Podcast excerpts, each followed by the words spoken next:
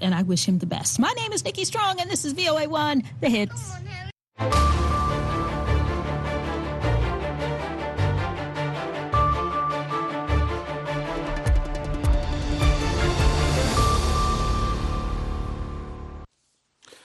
halkani waa washington laanta afka soomaaliga ee v o a o ad ka dhegeysanaysaan mawjadaha gaagaaban xiriirka efemyada geeska africa iyo caalamka oo dhan o aad naga dhegeysanaysaan bogga v o a somaly com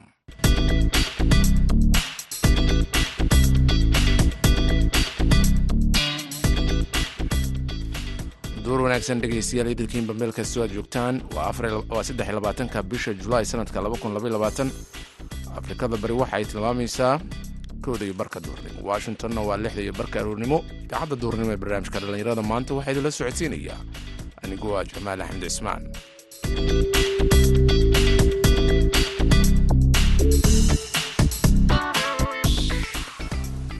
Maanta oo kale waxaad dhegaysataan oo barnaamijka dhallinyarada aad ku maqashaan barnaamijka madasha dhallinyarada waxaana toddobaadkan uu ku saabsan yahay dhallinyarada beeraleyda jabuuti kaalinta wax soo saarkooda iyo caqabadaha ay la kulmaan.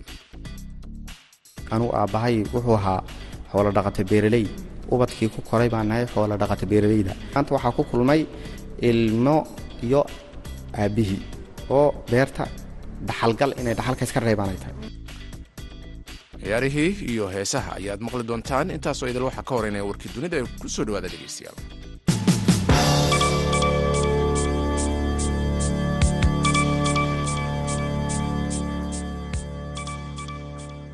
dowladda ukrein ayaa maanta ku eedeysay ruushka inuu mas'uul ka noqon doono dhibaato kastoo cunto ah. Haddii heshiiska looga dhoofinayo qamadiga ukrein magaalada odesa uu burburo kadib markii ruushku ay ku eedeen gantaalo uu ku garaacay dekada badda madow. Gantaalada weerarka ruushku waxa uu ka dhigan yahay ku-xumeyn madaxweynaha dalka ruushka valadimir putin uu ku xumeynayo xogeyaha guud ee qaramada midoobey antoni guteres iyo madaxweynaha dalka turkiga rajib tayib ordowan ayuu kuwaas oo dadaal weyn ugu jiray sidii heshiis loo gaari lahaa ayuu yidhi afhayeenka wasaaradda arrimaha dibadda dalkaasi ukrain oleg nikolenko.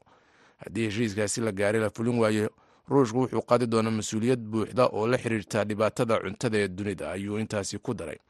Ukrain iyo ruushka ayaa jimcihii kala sixday heshiis taariikhi ah oo looga dan leeyahay in lagu dejiyo dhibaatada cunnada ee dunida taas oo ka dhalatay dagaalka ukrain ka socda islamar ahaantaasina la soo afjaro wadaxaajoodyo muddo socday oo bilaha ayaa lagu soo afjaray arrintaasi kadib markii dhinacyadu ay ku heshiiyeen in magaalada odesa laga dhoofiyo qamadiga waddanka ukrain uu soo saaro.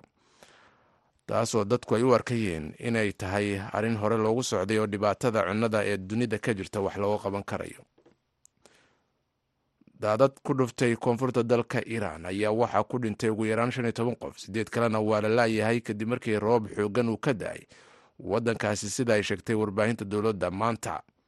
Daadadku waxa ay ku dhufteen dhowr magaalo iyo tuulooyin ku dhowdhow magaalada istahbah ee gobolka faris jimcihii khaliil cabdulaahi madaxa maamulka xasaradaha ee gobolka ayaa laga soo xigtay isagoo la hadlayay wakaalada wararka ee dalkaasi ee irna warkii dunida dhegeystayaal waa nagayntaa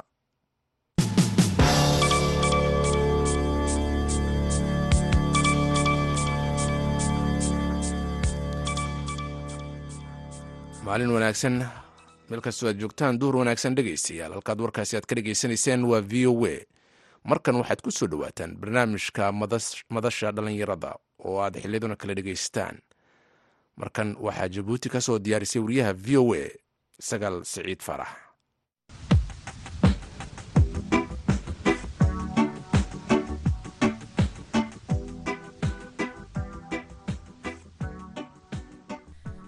kulanti wanaagsan dhegeystayaal dhammaantiinba meel weliba ood daga dhegaysanaysaan waa mar kaliya barnaamijkeeni madasha oo sabti walba aad ku dhegaystaan barnaamijka dhallinyarada maanta.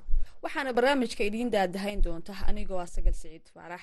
Toddobaadkan barnaamijkeena madasha dhallinyarada waxaynu ku soo qaadanaynaa beeraleyda dalka jabuuti gaar ahaana dhallinyarada oo baahi weyn u qabta in loo soo saaro biyaha ku jira dhulka hoostiisa si ay beerahooda ugu waraabsadaan islamarkaana ay wax badan ugala soo baxaan beeraha kuwaas oo ay iib geystaan si ay baahidooda ugu daboolaan.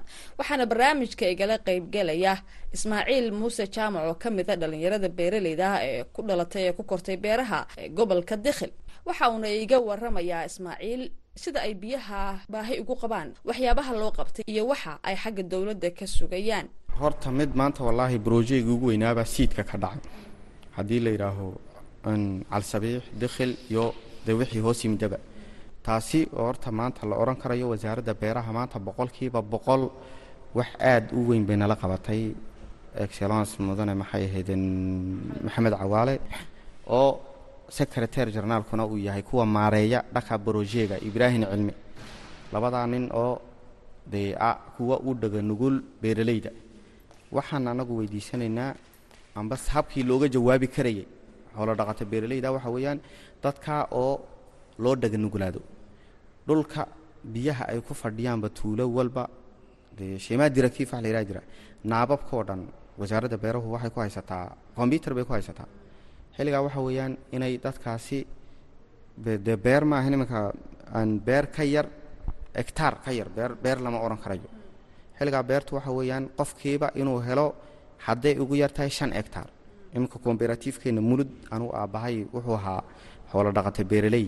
Ubadkii ku koray baan nahay xoolo dhaqata beeralayda maanta waxaa ku kulmay ilmo iyo aabbihii oo beerta dhaxalgal inay dhaxalka reebaan ay tahay waxa weeyaan wax baatrimaan aan haysanno waxa ugu wanaagsan wuxuu aabbahaa ka soo shaqaynayay taasi khibrad gooniya horta u leedaha jira. Xilligaa taa waxaa soo raacaysa inuu aabbihii ilmaha u tabin karo maxay wuxuu ka garanayay beerta. Ilmuhuna inuu ka qaadan karo aabbihii wuxuu ka garanayay beerta. Xilligaa casrigana iyagoo la jaan qaadaya ilmihii casrigii wuxuu haystaa teknolojiyigiibuu uga dhow yahay. Teknolojiyaga hadduu uga dhow yahay waxa weeyaan beertii dhaku aabbahaa uu ka soo qaaday experiencekii intoo qaadatid oo qoratid midna adoo dhaliilayn inaa adigu dhakaa ka sii qaadi kartid iyo meel ka sarraysabaa gaarsiin kartid. Waayo maadaama berigii hore ma jiri jirin mashiinno qaarkood qaali bay ahaanayn maanta mashiinadii oo soo jabay. Hadday jabeenna dee inaan ku ansixina ay tahay.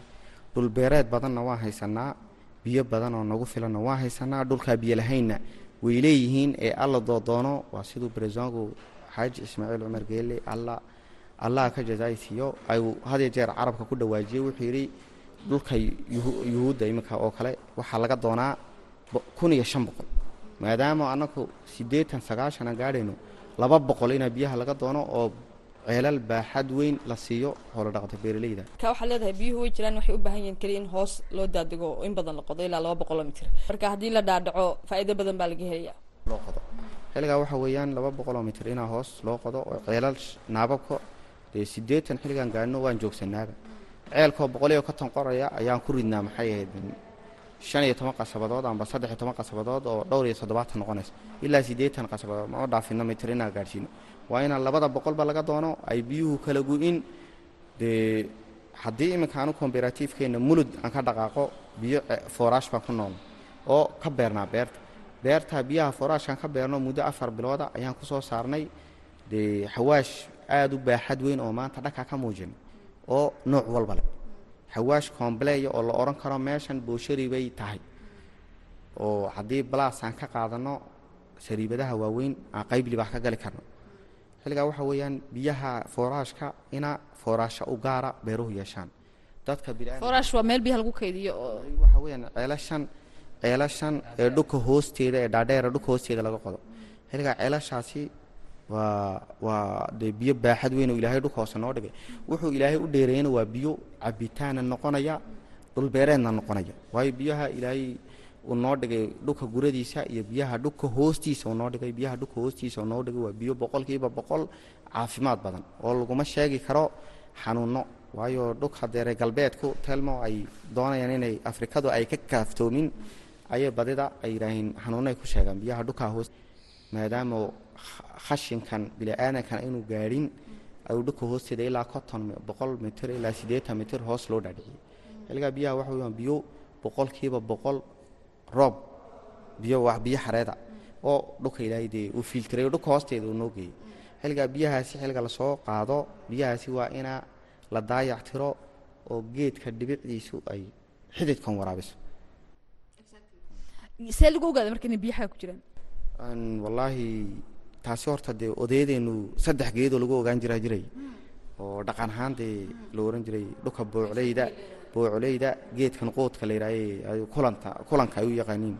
Waa geedka badida midhahiisa iyo caleentiisu ay kala duwan yihiin magaca la yidhaah dhuban bay yidhaahiin marka maxay ahaydan mudhihiisii waxaa kala duwan mirihiisa iyo caleentiisa waa laba kala nooc dee geedkaa waxaan kulanna way yidhaahiin waa laba magac buu geedkaa leeyahay xilligaa waxa weyaan dhulka badida biyale biyaha laga helo biyaha waaweyn ayaa laga helaa calaamad weyaan calaamad buu yahay. Xilligaa waxa weyaan maxay ahaydeen cadaadana iyaduna way tilmaan bay ka tahay.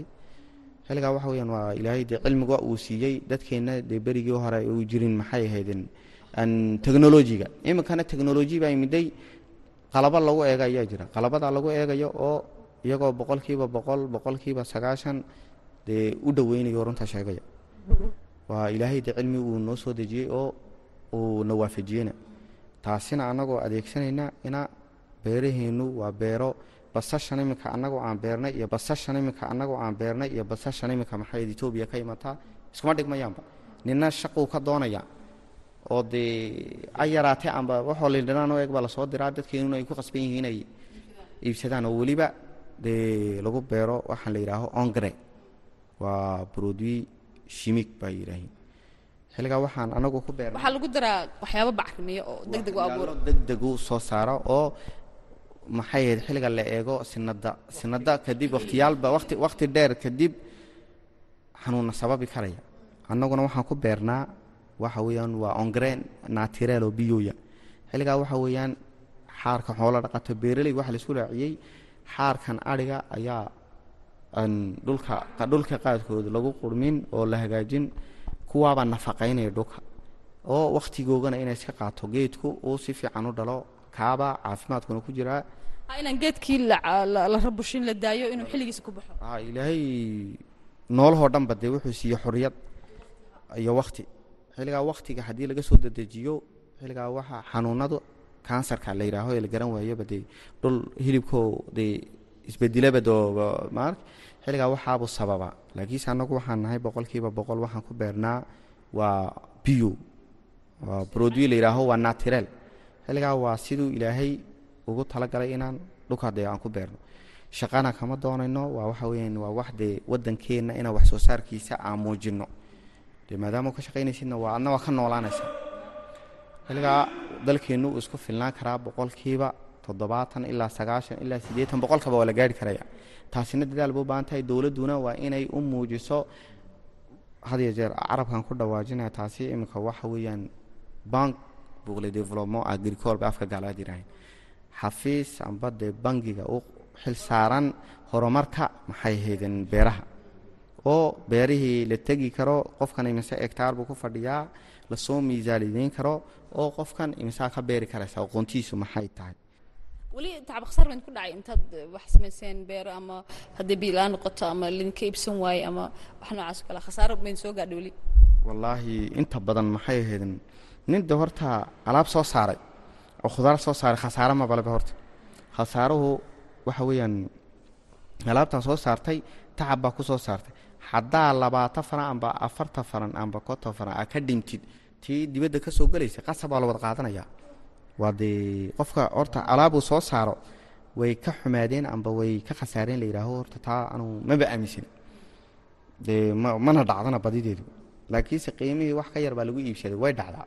Taasina dee khasaaro kuguma joogo laakiin idinka tan qiimaha idinku waxay ahayd inaad tiinu ay ka jarnaato tan dabadda laga keenay cashuurta laga bixiyo. Way qaali uga dhigtaan wax soo saarkiin? Waxaa la odhan karaa iminka teenna dee waa waa run inay ka jabnaato waa waajib. Waxa weeyaan inay ka jabnaato oo dadkeenna aan la ay ka fiicnaato way jirtaa wuuna ka jaban yahay dee. Dadka haa wuuna ka jaban yahay dadkeenna unbaa si kale u arkaa. Waxa weeyaan xilliga timaadkii boqol la yidhaaho ee sariibadda laba boqol lagu iibinayo xilligaa waxa weeyaan dadkeennu waa wax la taaban kara dee. Laakiinse iminka haddii waxaan anagu muruqeyga ku beernay kontiten aan soo saarno qasab inaa maxay ahayd uu ka jabnaado kaa dibadda ka imanayo waa waajib. Laakiinse waxaan naga maqan dhulkii lagu iibinayey waa ina komberatiifka ay dowladdu labada sino amba sinadka ugu horeeyay ay taabo galayaan waa ina la gacan qabto oo dhulkaasi la siiyo. Ha waxaa ubahanta in laydin suuqeeyo laydin siiyo meel suuqa oo qudaartii dalka ka soo baxday lagu iibiyo. Dadku say iyaguna uxu faa'iidaan dadkana uga faa'iideeyaan. Waa fikirka badida komberatifyada amba dadka wax beeralayda ay ka soo ay ka go-an tahay. Taa waa kow talabaad adeegii lagu soo qaadayna waa muhiim taasi gaadiidkii. Gaadiidkii haddii ay iminka ay waxaa dhacda way dhacda mararka qaarkood. Adoo soo guray uu gaadhigii uu iska soo buuxsado waa gaadhidii shicib oo iska shaqaysanay. Hadduu dhakaa wax ka hela dee aduu kula ballamay uu kaa boodaya uu ku gara maray sida tamaadka oo kale. Laba cisho hadduu ku gara maro maalinta saddexaad timaadkima gaadhigo. Mana haysanno dhul firigooya oo aan ku kaydino. Laakiinse fikradda bayaashin mar la siiyey baa jirta ina aan transformayn karno aan bedeli karno. Oo ka dhigi karno timaad qasaac timaadkii la warshadayn karo oo timaad qasaac ka dhigi karno amba confitiir ka dhigi karno. Amba kitshopkan waxay yidhaahiin ay dee timaadkan aan haa lagu daro maxay cuntada baastada sirtu aa lagu cuno. Xilligaa waxa weeyaan intaaba dee formaasiyonada way jiraan waana tababarka waan qaadanay xilligaa waxa weeyaan in la xoojiyo. Laakiin taas waxay noqonaysaa wax dheer. Waxaa idiin sahlan inaad heshaan gaadiid markiiba idiin soo qaado. Wixii loo idiin geeyo waa haa waa ta koobaad inaa gaadiid helno markaaba maxay xilligaa waa iska bixin karaan. Nool waan bixinaa mar walba oo alaabteedu bilaa nool kuma tegto dhulka suuqyada. Laakiinse noolkaasi gacanqabadka a mar walba leeyahay had iyo jeer waa inuu xafiis maalgashiga uu jiro oo beeralayda horumaraya oo qofka beeralayda la amaahin karo lacag ribada horta ribada shayga ribada la yidhaaho dal muslimaan nahay. Waa shayga dadka kala baabiisaba xilligaa waxa la odhan karaa dowladdu ha lacag nadiifa oo bilaa riba material amba gali karta. Dee material badida ha noqoto inta ugu badan gali karta materialkii qalabaynta xilligaa da wixii waa la soo saaraya. Iyo shaqaalaha yaree ka shaqaynayo hadduu qofku laba iyo saddex shaqaysiiyo beertaasi dee kama weyno aan hegtaar laakiinse haddii uu shaqaalo ilaa toban iyo wax ka badan shaqaysiinayo lixda bilood ee ugu horeysa wuxuu ku soo gaa saddex biloodba lixda bilood ee ugu horreeya loo qadimo lacagtoodii oo loo waxay. Xilligaa haddeed uu taabagalaya dee qofka ma soo laamayo. Waa qof dowladda haddeeta meel gacan libaax ka qabtay oo shaqo abuurna waxayn karay. Taasina dhakaa laga eego guud ahaan waa naga intaa dhegeystayaal barnaamijkeenii madasha toddobaadkan. Anigoo asaga siciid faarax ayaa idiin daadahaynaysay waxaa idinkaga imanayay jabuuti. Tan iyo intaynu mar kale ku kulmi doonno barnaamij noocan iyo kala. Inta ka horeysa waxaan idinkaga tegayaa amaano alla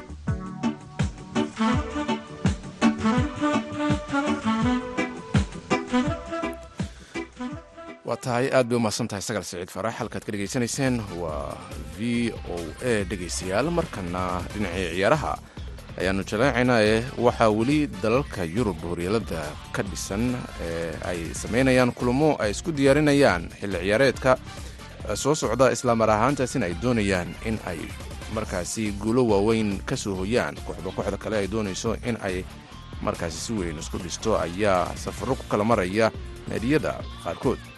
Kulmo ayaa dhacaya oo hadda socda qaarkood naadiga manchester united ayaa kulan saaxiibtinimo waxa ay la leedahay oo ka hor kulmada horyaalka dalkaas ingiriiska naadiga astonvilla waxaana ciyaartaasi oo hadda qaybta hore soo dhammaatay qaybta dambe dib laisugu soo laaban doono laba gooli waxba ku hogaaminaya naadiga man united.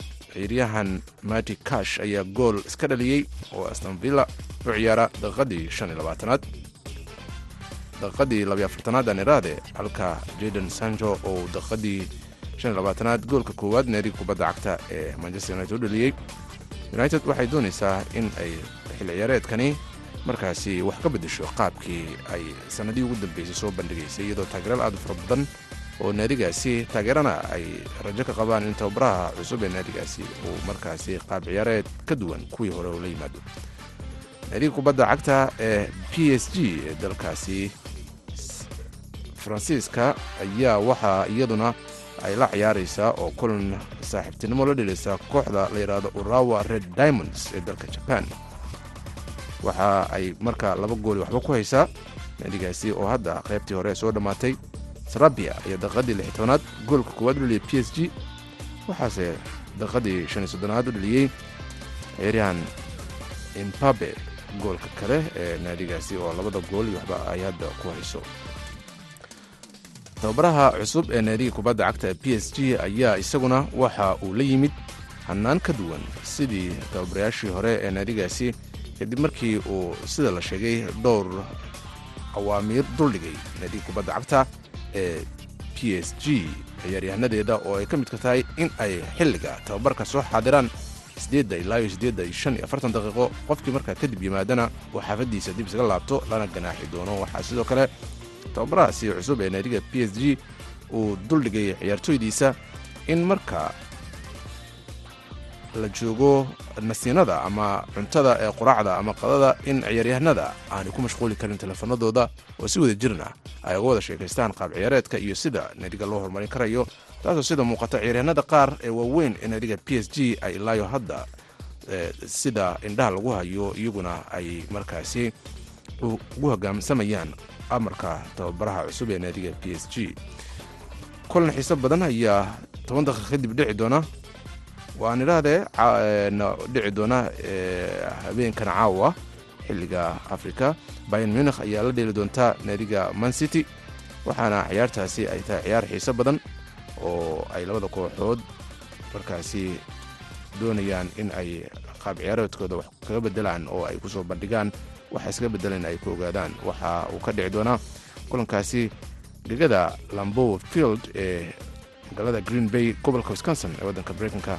Toddobada fiidnimo ee xilliga maraykanka ayuuna dhici doona kulankaasi. Sidoo kale naadiga arsenal ayaa la dheeli doontaa naadiga kubadda cagta ee chelsea. Kulan kale oo xiiso badan oo labada kooxood ay wada dheeli doonaan.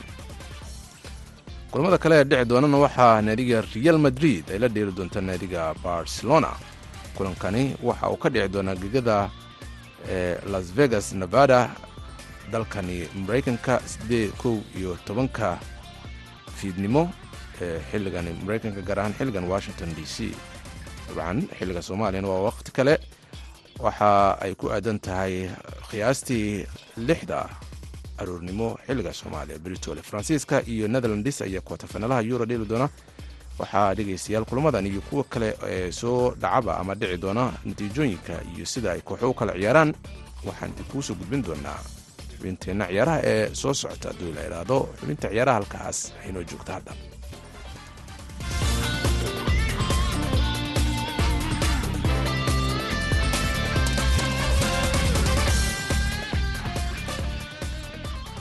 Duur wanaagsan mar kale dhegeystayaal barnaamijka dhallinyarada maanta ayaad degeysanaysaan aan idin dulmaro qodobada wararka waaweynaa ee caalamka. Ukrein ayaa maanta waxay ku eedeysay ruushku inuu mas'uul ka noqon doono dhibaato kastoo cunto oo heshiiskii wadankaasi ay la gaareen wadanka ruushka. Haddii uu la fulin waayo taasoo ku aadnayd in magaalada odesa laga dhoofiyo qamadiga wadanka ukrein uu soo saaro. Islamar ahaantaasna uu burburo heshiiskaasi kadib markii ruushku lagu eeday in gantaalo ku garaacay dekada badda madow gantaalada weerarka ruushku uu ku qaaday badda madow waxa ay ka dhigan tahay in madaxweynaha dalkaasi valadimir putin uu xumeeyo xogeyaha guud ee qaramada midoobey antoni guteres iyo madaxweynaha turkiga rajib deb ordowan kuwaasuu dadaal weyn u galay sidii heshiiska loo gaari lahaa ayuu yiri afhayeenka wasaaradda arrimaha dibadda ee dalkaasi ukrein oleg nikolonko haddii heshiiskaasi la gaaray la fulin waayo ruushku wuxuu qaadi doona mas'uuliyad buuxda oo la xiriirta. Dhibaatada cunnada ee dunida ayuu intaasi ku sii daray. Ukrein iyo ruushka iyo jimcihiisa xiday heshiis taariikhi ah oo looga dan leeyahay in lagu dejiyo dhibaatada cunnada ee dunida ka jirta ee ka dhalatay dagaalka ukrein taasoo soo abjartay wadaxaajoodyo bilaah islamarkaasina qiimaha qamadiga hoos ugu dhaco heerkii ugu dambeeyey ee la arkay ka hor duulaankii moscow. Arrintaasi heshiiska waxaa soo dhoweeyey dalal aad u fara badan iyo ururo oo ururka midooda afrika uu ka mid yahay. Dadad xoogan ayaa ku dhuftay koonfurta dalka iiraan halkaas oo ay ku dhinteen shan iyo toban qof sideed kalena ilaayo hadda la laayay kadib markii roob xoogan uu ka da'ay waddankaasi sida ay sheegtay warbaahinta dowladda sabtidii dadadku waxa ay ku dhufteen dhowr magaalo iyo tuulooyin u dhowdhow magaalada istahba ee gobolka faris jimcihii khaliil cabdulaahi madaxa maamulka xasradaha ee gobolka ayaa laga soo xigtay isagoo la hadlay wakaalada wararka ee dowladda ee irna.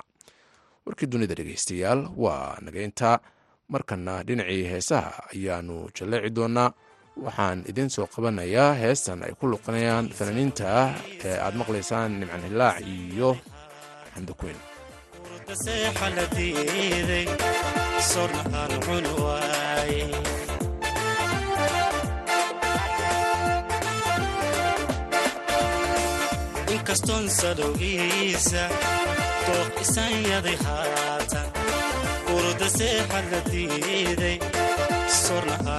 waaye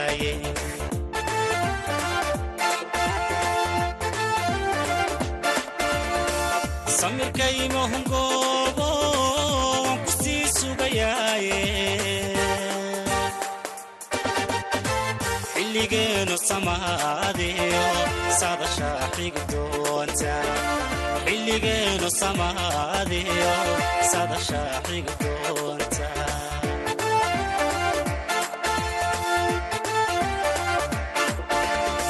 baadadkii sidii waa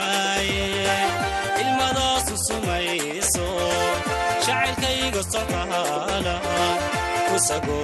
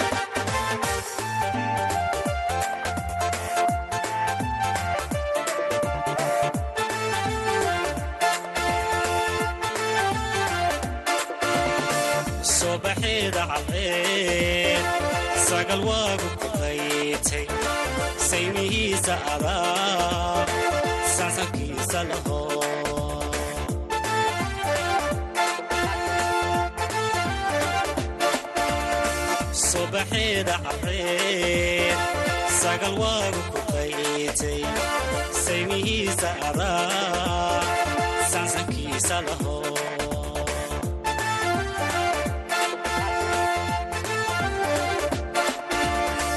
Sareday noqolayd subax nool bahda.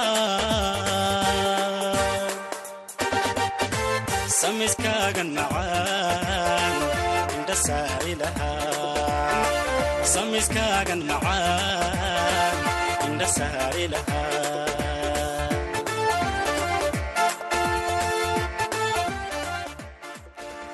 heesaasi fanaaniinta nimcaan hilaac iyo xamdikuwiin ayaa ku luuqeynayay waxaana gebagabay u ahayd idaacaddeenni duurnimo ee barnaamijka dhallinyarada maanta dhegaystayaal tan iyo afarta galabnimo anigoo jamaal axmed cismaan waxaan idin leeyahay nabadgelyo.